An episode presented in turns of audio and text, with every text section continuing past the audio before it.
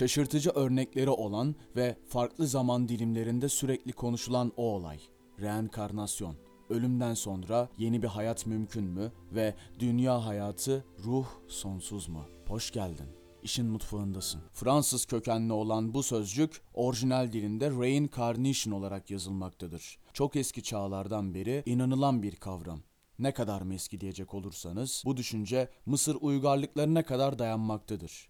Fakat daha detaylı ve mantıklı açıklamaları ilk kez Fransız fizikçi Alan Kardec tarafından Ruhların kitabında yer aldı. Sistematik hale getiren ve ilk olgusal açıklamaları yapan Alan aynı zamanda Spiritizm adını ilk defa 1857'de dile getirdi. Spiritüel ilkelerine gelin bir göz atalım. Alan'a göre insan 3 bölümden oluşur. Ruh, Perispi ve fiziksel beden. Perispi dediğimiz olay ise ruh ve fiziksel beden arasında irtibatı sağlayan inançtır. Kitapta şöyle bir bakış açısı da var. Bütün ruhlar eşit yaratılmıştır denenebilir.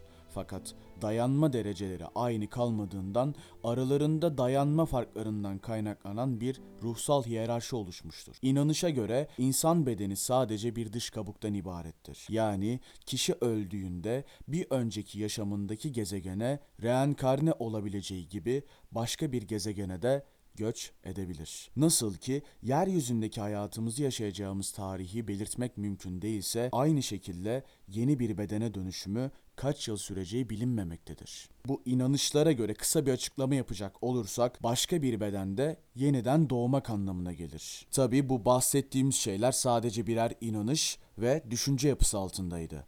Peki reenkarnasyon hakkında bilim ne diyor ve araştırmaları neler? Bilim bunu savunan insanların mekanizma örneğinin olmadığını ve deneysel teste tabi tutulamadığı için çok da sıcak bakmamaktadır. Ama yine de bilimsel olarak araştırılmaya devam edilmesi düşüncesinde. Çoğu bilim insanına göre reenkarnasyonun gerçek olabilmesi için kendilerine göre bahsedeceğim şartlar mevcut. Bedenden ayrı ve transfer edilebilir bir ruh olmalı. Diyelim ki ruh aktarımı gerçekleşti.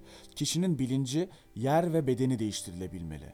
Bu aktarım öncesiyle sonrası arasında belirgin bir ilişki, nedensellik kurulabilmeli. Deneyin son maddesi ise bütün bu olanların kanıtlanabilir olması için fiziksel bir mekanizmaya sahip olmamız gerektiğini düşüncesinde. Aslında bu maddelerin hepsini düşününce veri noksanlığının ve argümanların muğlaklığını görebiliyoruz. Fakat bir bedenin içerisindeyiz. Bulunan ruh ve düşünce olarak da bunları inkar etme ihtimalimiz çok yüksek. Ne kadar bilim adı altında incelenmiş olsa da çoğu insana göre spekülasyondur bir kişi hariç. 40 yılını bu işe adamış olan Profesör Stevenson.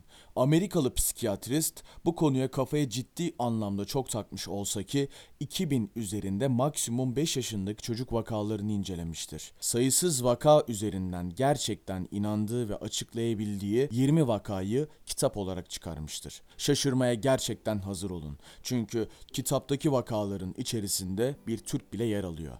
Vakanın ismi Adnan Kelleçi. Kitapta bahsedilen olayda Adana'da yaşayan Kelleçi önceki yaşamında Kore Savaşı'nda görev alan Türk askerlerinden bir er olduğunu iddia ediyor. Çocuk yaşında olan Kelleçi askerin ölümünü oldukça detaylı bir biçimde anlatabiliyor. Yıllar içerisinde gelişen bu olgular günümüze gelinceye kadar bazı kavramlarla karıştırılmıştır.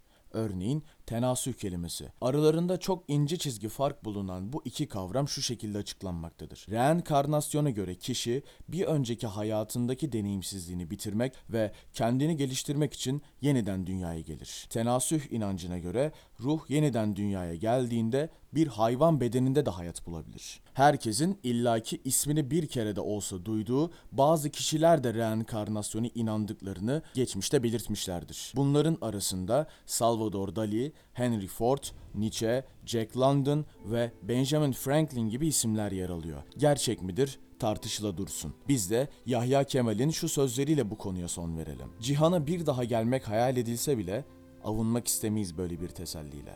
Bu hafta bana buraya kadar eşlik etmen gerçekten harikaydı. Bir sonraki pazar yine buluşalım.